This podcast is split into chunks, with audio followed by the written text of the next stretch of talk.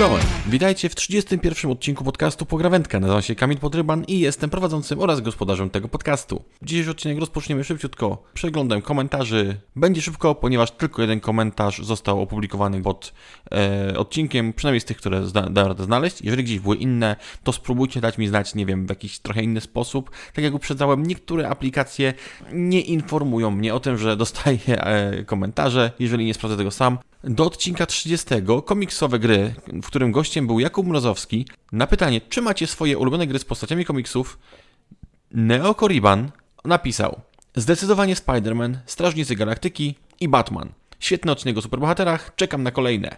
Nie wiem, czy będą kolejne odcinki o superbohaterach, natomiast mam plan na kolejny odcinek skupiający się na grach opartych o komiksy, ale tym razem właśnie ze względu na to, że ze Spirim bardzo skupiliśmy się właśnie na superbohaterach, to zamierzam pójść trochę innym kierunku, bo przecież komiksy to nie tylko superbohaterowie i okazuje się, że naprawdę sporo gier powstało na podstawie komiksów nie o superbohaterach. A teraz przejdziemy do tematu dzisiejszego odcinka, którym jest gra The Last of Us, ponieważ tak się jakoś złożyło, że na początku tego roku postanowiłem po, no nie, nie do końca po raz pierwszy, ale to piszę później, na początku tego roku postanowiłem zagrać w The Last of Us, bo w sumie nigdy tak naprawdę nie grałem, i odpowiem w tym odcinku na od dawna zadawane pytanie, które zresztą sam sobie zadawałem, czy The Last of Us zasługuje, aby być ustawionym tak wysoko na piedestale gier komputerowych i czy to faktycznie jest jedna z najlepszych gier komputerowych, jakie w historii, cóż, gier powstały. Tak.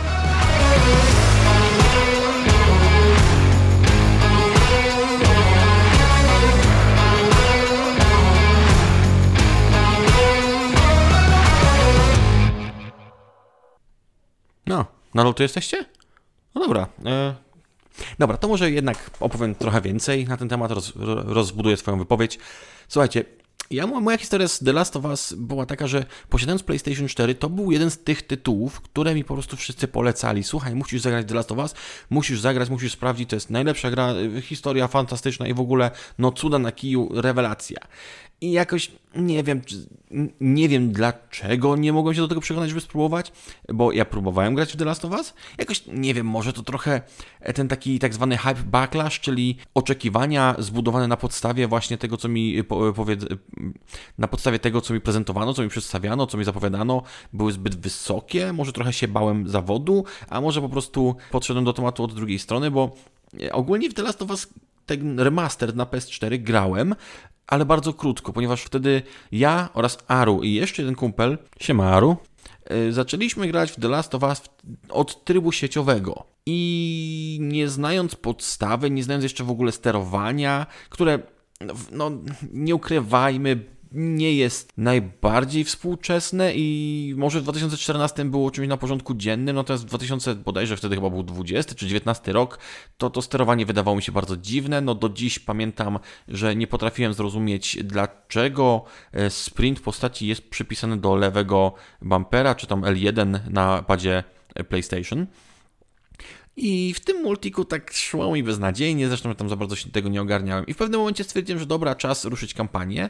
I tak naprawdę ja w kampanii spędziłem godzinę. Sam początek gry mnie bardzo wciągnął, ale to wiecie, to jest ten początek właśnie, gdzie widzimy Sarę, gdzie rozpoczyna się cała e, tam, nie wiem, apokalipsa zombie w pewien sposób. I, i, i to był okres, kiedy ja już byłem ojcem. Wprawdzie mój syn wtedy miał może zroczek, więc na pewno nie był porównywalnym wieku do Sary, ale jednak no, potrafiłem bardzo mocno empatyzować z Joelem, który stara się tą swoją córkę gdzieś ochronić, uratować, że potrafi zignorować innych ludzi potrzebujących pomocy tylko i wyłącznie dlatego, że ważniejsze dla tego jest bezpieczeństwo jego córki. I ja to czułem, ja to rozumiałem. Dlatego, okej, okay, uwaga, spoilery. I w tym odcinku będzie dużo spoilerów, ale no ta gra już trochę lat ma, więc przepraszam.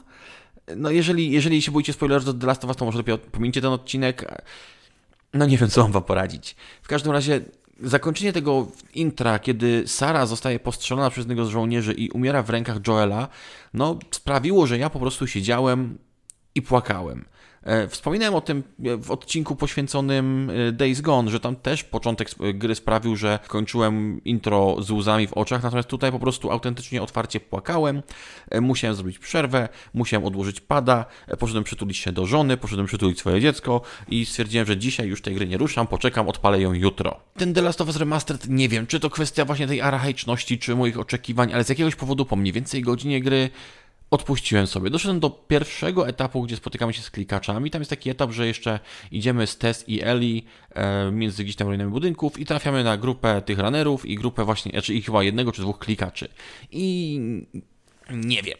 Czytałem gdzieś, że The Last of Us Part 1 pozmieniał trochę gameplay, pozmieniał trochę walkę i, i mechanikę tutaj właśnie z tym wszystkim związaną i poruszaniem. I może to na tym zaważyło, że się nie odbiłem od, od, od tej gry tak bardzo jak od Remastered, ponieważ w Remastered gdzieś na tym okresie się sobie odpuściłem. Zdałem sobie sprawę z tego, że ta walka mnie męczy, że e, jest ciężka, gdzie, generalnie ja uwielbiam skradanki, a nie potrafiłem się w tym etapie przekraść koło tych przeciwników. Ja cały czas dawałem się wykryć, cały czas jakoś wpadałem głupio. I nie wiem, może to była kwestia też mojej frustracji po prostu na samego siebie. W każdym razie odpuściłem sobie grę i już do niej nie wróciłem.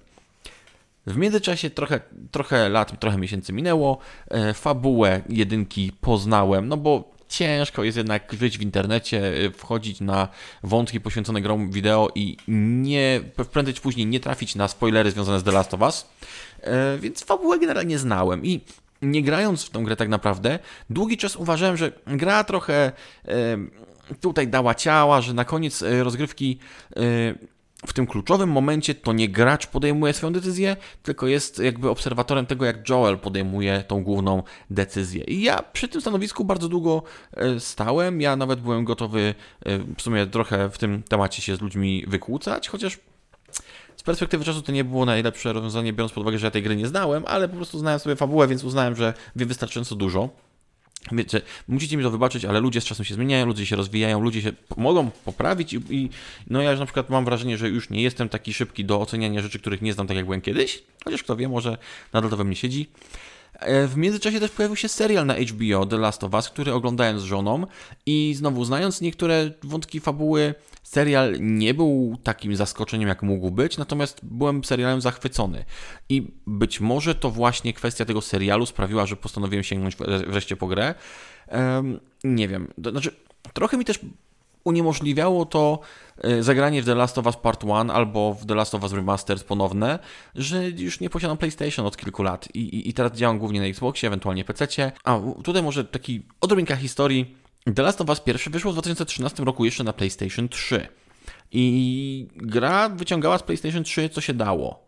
Natomiast chwilę później wyszło PlayStation 4 które nie miało wstecznej kompatybilności z PlayStation 3, więc jeżeli chcieliśmy zagrać w The Last of Us z PlayStation 3 na PlayStation 4, to nie było takiej opcji, więc zrozumiałe było, że Naughty Dog oraz Sony wydało The Last of Us Remastered na PlayStation 4, które wyglądało, nie da, nie da się ukryć, wyglądało lepiej od wersji z PS3, ale tak naprawdę Remastered w nazwie jest bardzo słuszne. Później w 2020 roku, jeżeli mi pamięć nie myśli, otrzymaliśmy The Last of Us Part 2, czyli kontynuację The Last of Us, The Last of Us Remastered, która już tutaj działała na zupełnie nowym silniku, która wyciągała z PlayStation 4 no, absolutne wszystko, że tutaj jakby inżynierowie z Naughty Dog wspięli się na szczyt swoich możliwości, żeby z tego PlayStation 4 wyciągnąć tyle, ile się dało. Gra później zresztą otrzymała też upgrade do, do PlayStation 5, które wykorzystywało y, jeszcze więcej mocy PlayStation 5 w porównaniu do PlayStation 4.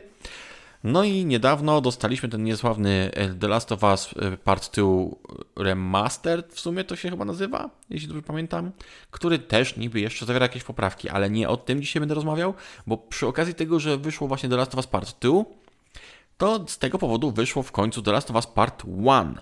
I ku temu jest kilka powodów. Oczywiście e, do tych najbardziej prozaicznych, do tych najbardziej, co się rzucają na myśl, przejdę za chwilę. E, wyczytałem gdzieś w międzyczasie, że, e, bo w part tu jeszcze nie grałem, nie miałem okazji, Natomiast wyczytałem właśnie, że e, w drugiej części pojawiają się pewne retrospekcje z pierwszej części gry i to wymagało odtworzenia przez twórców części lokacji czy, czy, czy właśnie wydarzeń na nowym silniku. I według reżysera Part 1, bo tutaj reżyserem już nie był Neil Druckmann, który wtedy był już zajęty czymś innym, tylko był nim Galant, nie pamiętam, przepraszam, nie pamiętam jak on ma na imię, ale w każdym razie gość nazywa się Galant. I on stwierdził, że wtedy część zespołu zaczęła się zastanawiać, jak wyglądałoby oryginalne The Last of Us, gdyby je w całości opracowano na tym właśnie współczesnym, tym nowym silniku. I, i, i w sumie od tego to się zaczęło. I zapewne właśnie, tak jak z tych bardziej prozaicznych powodów, o których wspomniałem, niedawno wyszedł serial HBO The Last of Us, który drastycznie na pewno wpłynął na zainteresowanie y, grami. I w tym momencie gracze mogli sięgnąć po dosyć leciwy już, bo w końcu prawie 10-letni, no w, w, tamtym momencie, ok, 8-letni The Last of Us Remastered, albo mogli właśnie sięgnąć po y, nowszą wersję, którą wydało Naughty Dog w 2022 na PlayStation oraz która otrzymała port PC-owy w 2023 roku. Czyli był to właśnie The Last of Us Part 1 i to jest ta edycja gry, w którą ja grałem. Ja grałem na PC za pośrednictwem Epic Games Store. Tak wiem, The Last of Us Part 1 w okolicach premiery miało dużo problemów. Był, dostało się od krytyków i od graczy równocześnie e, za jakość tego portu, było dużo błędów, graficznie potrafiły być straszne babole i, i, i, i ogólnie no, no było źle. Natomiast śpieszę do, poinformować, że jak ja grałem na koniec zeszłego roku, zasadzie tak gdzieś na przełomie grudnia i stycznia, albo na, w zasadzie styczniu już tego roku, to The Last of Us Part 1 na moim nie najmocniejszym sprzęcie zresztą działało bardzo ładnie. Ja gram na laptopie gamingowym, laptop gamingowy jest z 2021 roku, jeśli dobrze pamiętam, więc on już ma 3 lata. Karta graficzna tam najmocniejsza nie jest, gra na PC, to przypominam, wyszła w 2023 roku i ja byłem w stanie bawić się dobrze przy, przy płynnym klatkarzu, mniej więcej właśnie na, na, na ustawieniach takich pomieszanych między niskich a średnimi i co mnie zaskoczyło bardzo, nawet na tych niskośrednich yy, ustawieniach, gra wygląda bardzo ładnie. Wprawdzie, owszem, czasami zdarzały się tekstury, które były bardzo uproszczone i, i to myślę, że to właśnie kwestia tych, tych niskich ustawień graficznych. No, widać było, że są po prostu kiepskie. Natomiast już na, na tych ustawieniach średnich było naprawdę o wiele, o wiele lepiej. I to mnie bardzo mile zaskoczyło. Natomiast, no, nie ukrywajmy, kwestie graficzne to nie jest najważniejsza część The Last of Us Part 1, ani w zasadzie pewnie Part 2.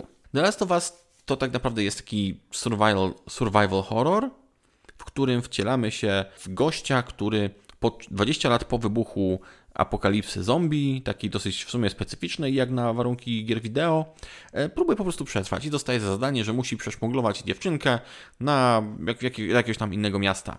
Taki jest mniej więcej zarys fabularny podstawowej gry. No i właśnie Joel jest tą główną postacią, którą w 95% gry my sterujemy. I to jest właśnie postać, która na samym początku w intrze traci swoją córkę i potem dostajemy przeskok 20 lat i widzimy ten kontrast w postaci Joela, gdzie tutaj był bardzo troskliwym, kochającym ojcem, który był w stanie poświęcić innych dla swojej córki.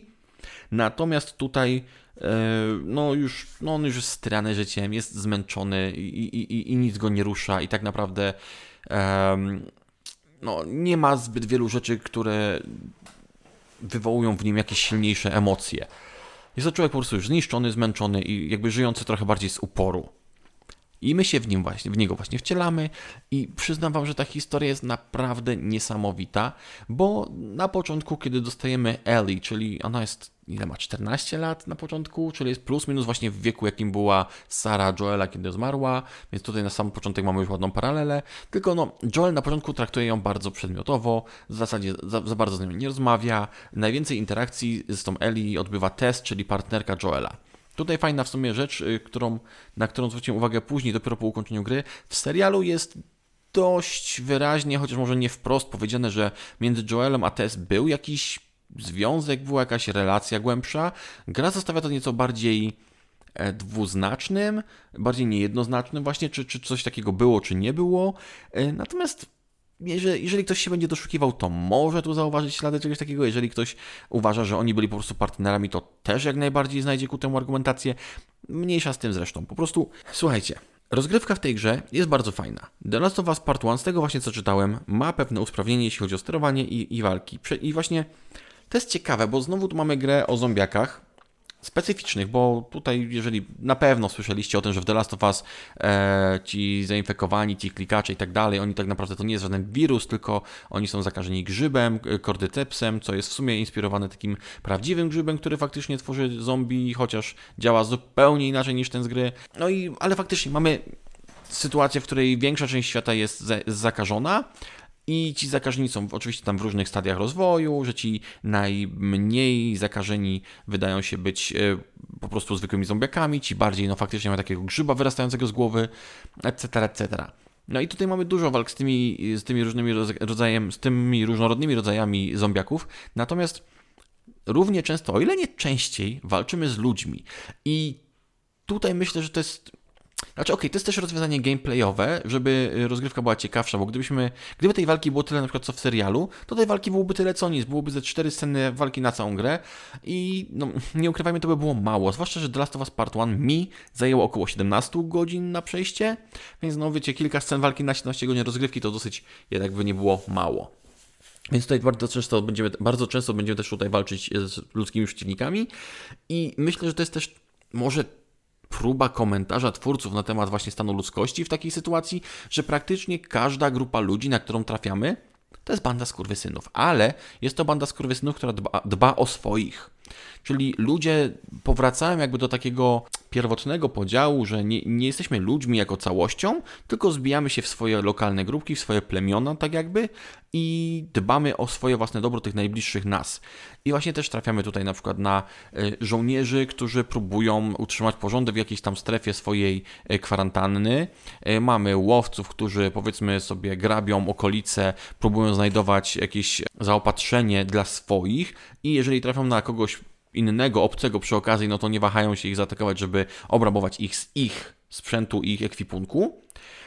I normalnie można by to potraktować po prostu jako zwykłych takich przeciwników, z którymi musimy walczyć, żeby było ciekawie. Natomiast w grze w paru momentach, jeżeli się skradamy, a w tej grze można się dużo skradać, co bardzo mi się podobało, to można czasami posłuchać fragmentów, e, możemy wtedy posłuchać tych wypowiedzi przeciwników i oni sobie rozmawiają i oni tam na przykład dyskutują o tym, czy ktoś się z kimś podzieli swoimi racjami żywnościowymi, czy się zamienią na, na, na, na wachty, czy gdzieś tam e, no, o kimś opowiadają, kogo spotkali, i, I, widać, że ci ludzie, nawet no, ci przeciwnicy też gdzieś tam te swoje społeczności mają i o swoich dbają, mimo że jak tylko nas widzą, nas atakują. Więc ludzkość wobec siebie stała się bezwzględna, ale niemniej ludzie cały czas, cały czas się dobierają właśnie w te grupki i dbają o swoich. I można by tutaj łatwo próbować ich oceniać moralnie, że no to nie jest to nie jest dobre podejście, to nie jest słuszne podejście. Tak naprawdę ze wszystkich grup ludzi, których spotykamy w grze, tylko i wyłącznie grupa związana z bratem Joela jest taką grupą, która stara się zrobić coś więcej niż tylko żerować na świecie i na ludziach. Oni tam, oni tam osadzili się koło elektrowni, mieli tam swoją jakąś tam osadę, kilkanaście, kilkadziesiąt rodzin z tego co pamiętam i starali się gdzieś, jeśli dobrze pamiętam, to szukać nawet pól uprawnych, żeby e, jakoś stać się bardziej samowystarczalnymi. I to jest jedyna grupa ludzi spotkana w całej grze, która faktycznie nie żeruje na innych i która... Y, Jaskierku, mógłbyś nie drapać dywanu? To jest jedna grupa ludzi, która faktycznie stara się być lepsza i coś zrobić sensownego, niż tylko żerować na innych. Tak, to wszyscy inni ludzie są tutaj wrednymi skurwysynami, którzy walczą tylko o swoje. I mówię, łatwo by było ich wszystkich oceniać, gdyby nie to, że my też jest, gramy właśnie taką postacią, bo Joel dba tylko o siebie i Tess, później dba tylko o siebie, później dba tylko o siebie i o Eli. On jest w stanie porzucić wszystkich, byleby tylko zagwarantować przeżycie sobie i swoim najbliższym, czyli właśnie Tess i później Eli. Bo tutaj też właśnie bardzo fajnie w grze jest zarysowany, że na przestrzeni tych wszystkich wydarzeń ta relacja między e, Ellie i Joelem się zmienia i moim zdaniem jest to pokazane fantastycznie. Y, nie mogłem się po prostu napatrzeć i nasłuchać, jak ich dialogi się zmieniają na początku z bardzo suchych i rzeczowych, gdzie Joel był bardzo skłonny do tego, żeby na nią warknąć albo kazać jej się odczepić i nie przekraczać pewnych granic, a później właśnie z kolei w drugiej części gry mieliśmy liczne sceny, gdzie sytuacja była nieco odwrotna, że na przykład po, po niektórych wydarzeniach to Ellie była ta zdystansowana, a Joel próbował tą relację jakoś tak trochę pociągnąć i, i, i trochę nawiązywać e, rozmowy. E, bardzo fajnie mamy też sytuację, mamy właśnie fajne sytuacje, gdzie Ellie na przykład ekscytuje się bardzo komiksami w pewnym momencie i możemy te komiksy dla niej zbierać i jak tylko Joel zakomunikuje Ellie, że znalazł dla niej komiks, ona się tym cieszy i ona się ekscytuje i to jest takie, wiecie, takie takie, takie, takie grzejące serduszko, tak, moje wrażliwe I, i pokazuje właśnie, że ci ludzie o siebie dbają i że jakoś tam, wiecie, między sobą te relacje rozwijają. My to widzimy właśnie z tej strony, z tej bardziej intymnej, ale dla każdego, kto patrzy z zewnątrz, dla tych wszystkich grup, które Joel spotyka w grze, Joel jest takim skurwysynem, który zabija masowo ludzi, bo przecież, no, nie wiem, nie liczyłem nigdy, ale wydaje mi się, że spokojnie kilkuset ludzi w ciągu tej rozgrywki, w tych 17 godzinach e, Joelem zabiłem. No i wiecie, normalnie to też podchodzi pod, pod masowe morderstwa, tak naprawdę, bo nawet żołnierze rzadko kiedy mają potwierdzonych więcej niż kilkadziesiąt zabójstw w trakcie jakiejś długiej kampanii wojennej, a to sobie jest Joel, który na przestrzeni roku, bo mniej więcej tyle zajmuje fabuła gry, no zabił tych kilkuset ludzi i w którymś którymś obozie gdzieś, czy w którymś miejscu, przez które musimy się przekraść, nawet ktoś otwarcie mówi, że ta dwójka, ten facet i z, z tą dziewczynką zabili 76 naszych ludzi. I to jest tak absurdalna liczba.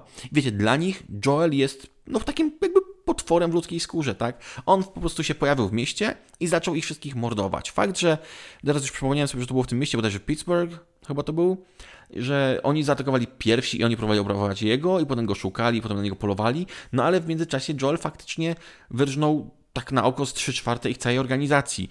I oni też tutaj zamiast sobie odpuścić, zamiast stwierdzić, dobra, w tej sytuacji lepiej, lepiej pogodzić się ze stratami i się wycofać, to oni też stwierdzili, że nie, że tutaj rządza zemsty jest zbyt wielka i rzucali jeszcze większe siły cały czas do przodu, byleby tylko się jakoś odgryźć, byleby tylko Joela dopaść.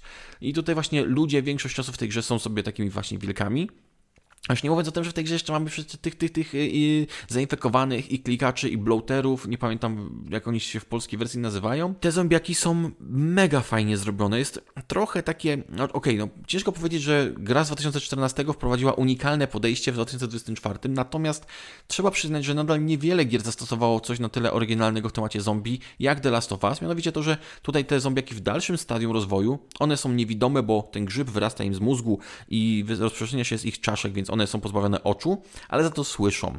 Więc. Yy, Joel musi odwracać ich uwagę, trzeba się skradać i być po cichu. E, czasami łatwiej jest faktycznie unikać walki i gdzieś przyjść obok, niż próbować z nimi walczyć, bo oni też ogólnie gra jest pod tym względem niewybaczająca, że jeżeli taki klikasz nas dopadnie, e, to na przykład jeżeli, jeżeli nas zaatakuje zainfekowany albo jakiś przeciętny człowiek, no to mamy taki quick time event, że musimy szybko wciskać jakiś przycisk, żeby walczyć i żeby go z siebie zrzucić i odepchnąć. W przypadku klikacza, jeżeli nie odblokujemy bardzo drogiej umiejętności dźgnięcia nożem przeciwnika, chociaż jakkolwiek to absurdalnie nie brzmiało, to tak naprawdę jak tylko klikasz się zbliży do nas na pół kroku, to już jest po nas, bo odgrywa się po prostu animacja, że wgryzają się Joelowi w szyję, koniec. Nie ma, nie ma tego, nie da się po prostu ich jakoś pokonać w inny sposób, trzeba to zrobić albo po cichu, albo na dystans, bo w walce wręcz mamy przekichane.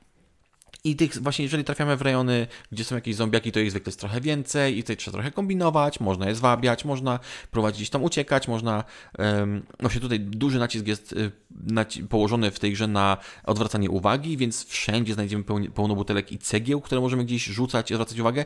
Możemy ich też wykorzystać do walki, na przykład możemy w kogoś rzucić cegłą, żeby go ogłuszyć i wtedy szybko dopaść i wykończyć, albo butelką. Możemy też po prostu trzymając cegłę w ręce zaatakować kogoś wręcz i tłuc go tą cegłą, aż w końcu nie padnie. Wiem, że to brzmi brutalnie, i wydaje mi się, że The Last of Us Part 1 tą brutalność miejscami trochę podkręciło względem remastered, a może jest to kwestia po prostu tego, że e, gra jest na tym bardziej współczesnym silniku graficznym i to po prostu bardziej się rzuca w oczy.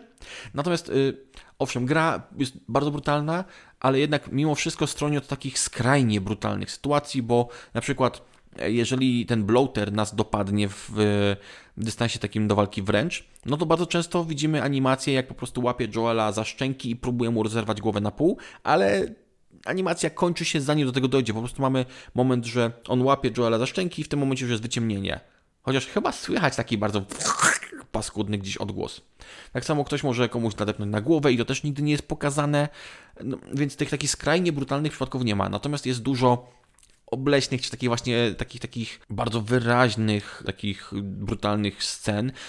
Co i róż, gdzie nie pójdziemy, widzimy jakieś zmasakrowane ciała, widzimy właśnie te, te zombiaki, widzimy ludzi, którzy są rozszarpani, gdzieś tam połowa sobie zwisa, nie wiem, jakiegoś tam człowieka czy coś i, i, i takich obrazków w tej grze nie brakuje. Natomiast to wszystko jest istotne, bo to buduje taki klimat tej gry, to wszystko stwarza Y, ten świat, y, buduje ten świat i relacje międzyludzkie. I tutaj przecież w międzyczasie też poznajemy innych ludzi. Poznajemy Billa, poznajemy tego przecież e, Sama i Henry'ego. E, mamy ten, mamy właśnie Tomiego i Marię, e, jest Marlin, są wszystkie te świetliki, jest mnóstwo postaci pobocznych i te relacje gdzieś między nimi też widzimy i bardzo one służą głównie temu, żeby zaakcentować po pierwsze tą nieufność Joela, który owszem, czasami się przed kimś otworzy, ale zwykle trochę ku temu trzeba, ale także służy to po to, by pokazać jakby tą więź Joela i Eli, ponieważ im dalej w grę, tym bardziej widać, że Joel zrobi dla, dla Eli wszystko. On traktuje ją jako swoją córkę, no i dochodzi do tej ostatniej sceny w grze, która... O nie wiem, mnie zostawił, mimo że ja już wiedziałem jak to się skończy, mimo że ja widziałem serial, w którym to się kończy identycznie, to scena Scena w szpitalu w grze sprawiła, że za nie mówiłem i siedziałem gapiąc się w ekran i miałem taką bardzo poważną, jakby w myślach, rozmowę sam ze sobą, ponieważ tutaj już uprzedzałem o spoilerach, więc już nie będę się, się krępował. Jest ogólnie Eli, Joel próbuje doprowadzić do szpitala e, świetlików, czyli takiej fakcji rebeliantów, którzy szukają jakby odszczepionki czy lekarstwa na tą infekcję zombie. No i Eli jest, Eli jest odporna, Eli nie da się zakazić, jest to pokazane kilkukrotnie w grze, że ona zarówno może wdychać zarodniki tych grzybów, których wcale nie było, jak i była ugryziona i nic jej się nie dzieje, więc y, teoretyzują, że na podstawie właśnie Eli dałoby się wyprodukować jakąś szczepionkę. Problem w tym, że skoro ten kordyceps zasada się w mózgu człowieka, no to trzeba by wyciąć fragmenty mózgu Eli i to prawdopodobnie doprowadziłoby do jej śmierci. I Joel, kiedy się o tym dowiaduje, nie jest w stanie się na to zgodzić i jest skłonny bez wahania zaprzepaścić szansę ludzkości, jakby szansę na szczepionkę czy lekarstwo, tylko dlatego, że zależy mu na osobie jako jednostce. I ja jestem w stanie tego człowieka zrozumieć.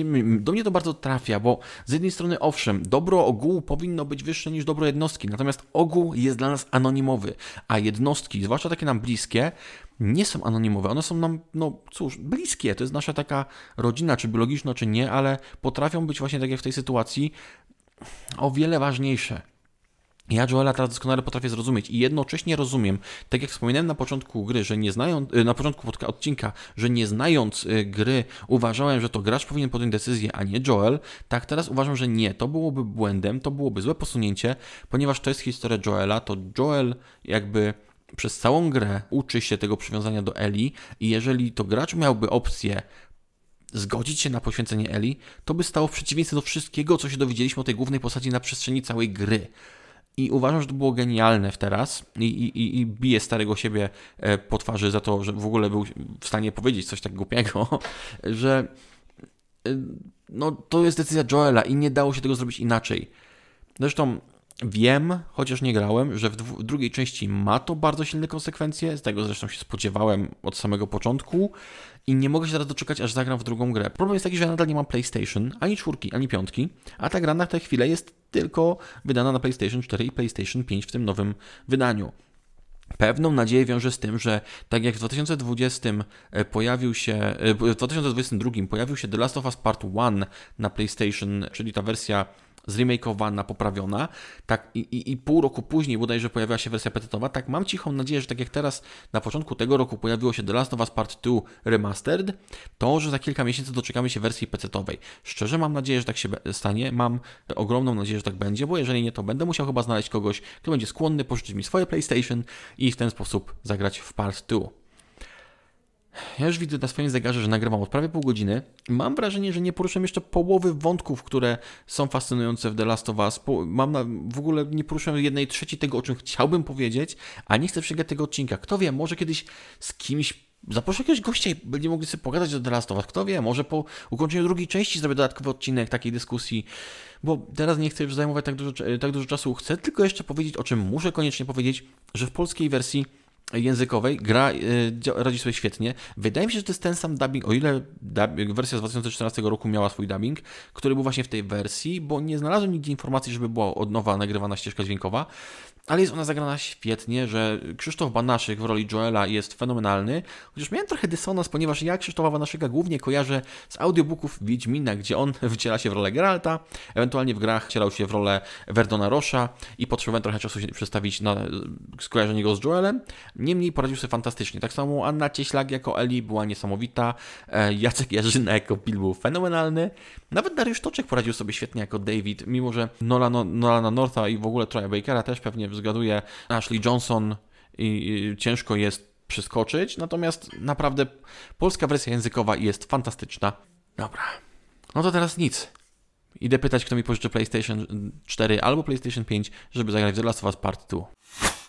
Dobrze, to ja standardowo tylko przypomnę, że jeżeli chcecie zostawić jakiś komentarz do podcastu, możecie to zrobić za pomocą Spotify w aplikacji mobilnej. E, możecie udać się na stronę pograwędki e, na Twitterze, gdzie twitter.com łamane na pograwędka. Możecie wejść na Instagrama, instagram.com łamane na pograwędka. E, możecie wysłać maila na pograwędka.gmail.com. Możecie na YouTubie albo na PeerTubie pod filmikiem zostawić komentarz. Hmm, Nie wiem, czy jest... A, jeżeli jesteście gdzieś na Discordzie, na przykład Discordzie Psawła albo Discordzie Pograne, gdzie wrzucam regularnie informacje o podcaście, to też tam możecie zostawić komentarz, jeśli chcecie. Ja wszystkie komentarze chętnie czytam, odpowiadam, jeśli mam możliwość i potem też wykorzystuję w odcinku. Więc jeśli chcielibyście usłyszeć swój komentarz w odcinku, to też jest dobry sposób, żeby tutaj jakoś zaistnieć. Przypomnę jeszcze, że bardzo doceniam wszystkie oceny, które y, podcast dostaje. Bardzo doceniam, jeżeli na przykład zaobserwujecie podcast w jakichś swoich aplikacjach, czy tam zasubskrybujecie.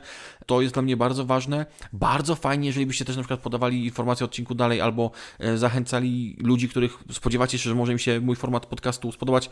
Też będzie, będę bardzo doceniał. I myślę, że to by było na tyle. Tutaj już słyszę, że melodyjka mnie pogania tym razem naprawdę, więc będziemy kończyć. Do usłyszenia w przyszłym tygodniu i na razie!